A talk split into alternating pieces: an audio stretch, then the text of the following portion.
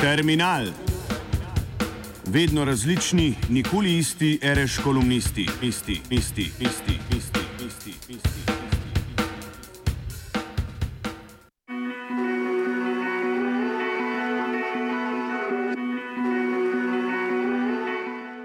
Samomorilska politika nojev.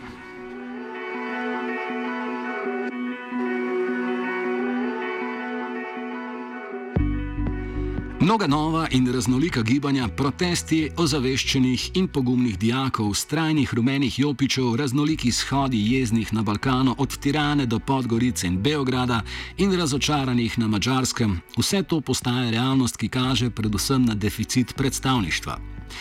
Ko zahteve finančne industrije postanejo politične prioritete, kjer vsi rešujemo izgube špekulativnih bank in nas sprejemamo še vrčevalne ukrepe, izginja breme solidarnosti. Pristajamo na politiko nojev. Vladavina ekonomije in njena življenjska sopotnica nafte zdaj napoveduje vojne brez vojaških čet, ampak le iz izpusti emisij toplogrednih plinov, ki se ne omejujejo na naše predstave o zrčrtanih mejah emisije potujejo, kot jih je volja. Ko se te ne zmanjšujejo, kar bi bilo edino zdravo za vsa živa bitja, in ko voditelji ne odstopajo od podnebnih sporazumov, je to vojna napoved brez vojaške intervencije.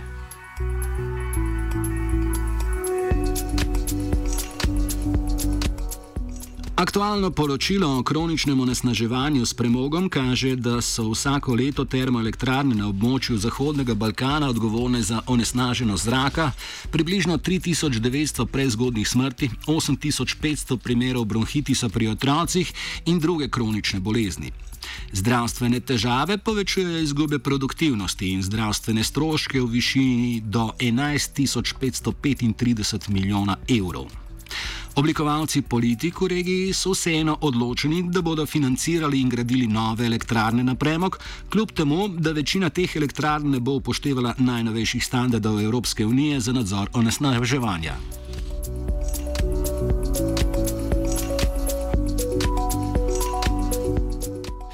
Ne gre samo za onesnaženo zraka v naši okolici. Če ob tem upoštevamo dimenziji družbene neenakosti, ozemeljske delitve na center in periferijo, ter jo mislimo razvojno, potem se izriše grozljiva podoba globalne podnebne nepravičnosti.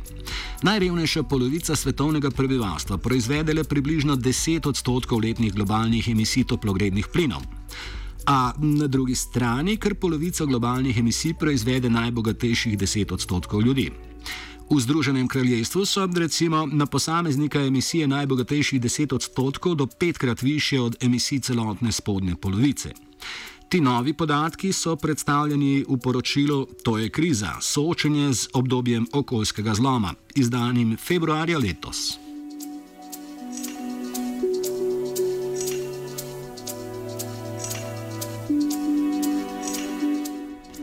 Gibanje samoorganiziranih dijakov, ki v času šolskega pouka protestira pod sloganom hashtag Climate Strike, se širi, številčnost in množičnost njihovih protestov po svetu se povečuje.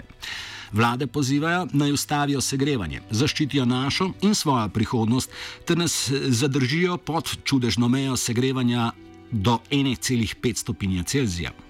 Pomembno sporočilo je, da gibanje hashtag Climate Strike vodijo mladi, mlajši od 18 let.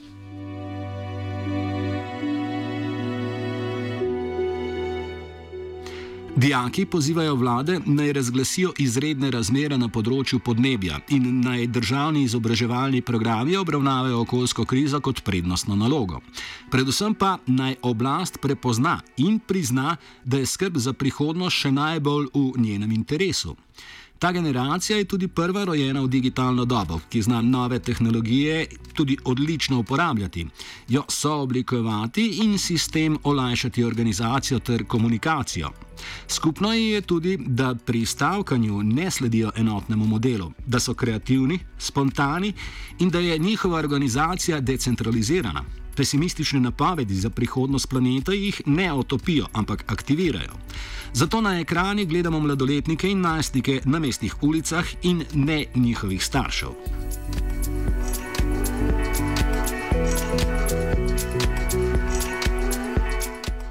Včasih se stvari ne dogajajo spontano. Pri nas je mnogo krat zaznati občutek, da moramo slediti, da se morajo stavke dijakov vseeno zgoditi tudi tukaj, če tudi z neko spodbudo, da potrebujejo novi nosilci zahtev vabilo za organizacijo, sestanek. Ampak, če govorimo o novi dobi, antropocenu, ki zahteva drugačne razmisleke in prakse, kar v resnici zahtevajo dijaki na ulicah, pomeni, da moramo temu pripisati tudi novo političnost, novo politično delovanje.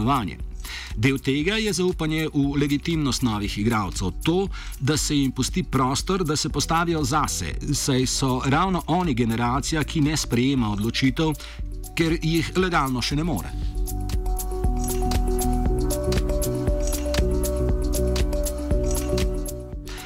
Čas zahteva, da vstopajo v politično polje novi igralci, ki se čutijo po bolj poklicane, ki imajo za svoje zahteve večjo družbeno legitimnost. Nujno je podpreti samo inicijativnost gibanja dijakov in pustiti, da so pri tem kreativni in da odkrivajo politični prostor in ga po svoje zauzamejo, razumejo in sooblikujejo. Ker bodo le tako ostali iskreni glasniki sprememb, ki jih želijo za novo dobo.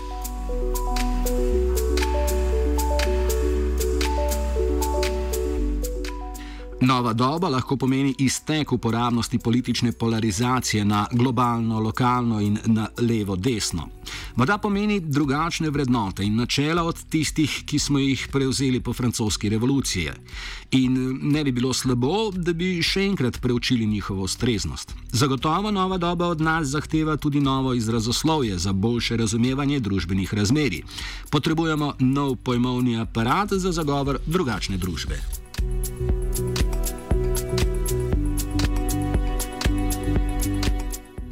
Zanikanje zloma podnebja ali neukrepanje ob zavedanju le tega vodita v isto smer, v civilizacijsko pogubo in brezpredmetno politiko. Beh na zasebna varna ozemlja, uvarovana naselja, v zlate palače ali k dobičkom na drugi strani zavarovane meje tega dejstva ne spremenijo. Beg lahko sicer razumemo kot izgnanstvo, zlasti ko zamenjamo ozemlje in s tem stališče, ki ni odvisno samo od tega, na kateri strani žice se nahajamo.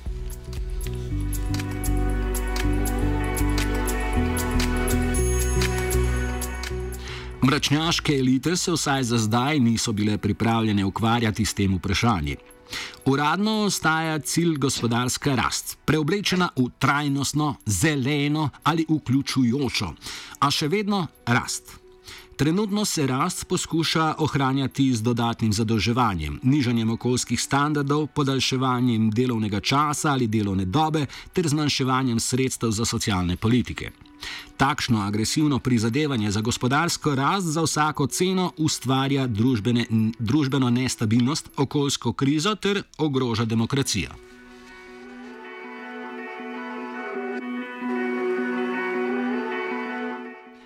Prenehati moramo biti odvisni od rasti, ki negativno vpliva na družbo in živi planet. Rast BDP ni zgolj številka, je način organizacije družbe na podlagi koncepta o trgih kot edinih proizvajalcih bogatstva. Kritično obravnavanje BDP torej pomeni postavljati pod vprašaj tržno gospodarstvo. Če to drži, pri zamenjavi koncepta BDP ne gre za tehničen, ampak za političen projekt. A zgolj identifikacija problema ni dovolj. Vprašanje je, kako spremeniti sistem tako, da bo ponujal odgovore, ki bodo vodili k zdržnim in skupnostnim politikam.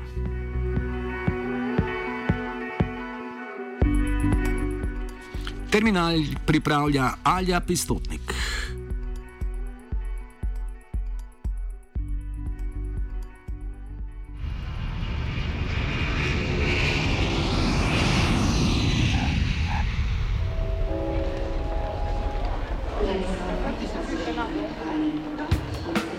Terminal. Vedno različni, nikoli isti, reš kolumnisti, isti, isti, isti, isti, isti, isti. Evo, pa pred se moramo upravičiti, ajda, sorry, ker sem ti imenoval Alja. Torej, ajda, pistotnik je bila ne Alja, ampak, lej, zadnja beseda, ne.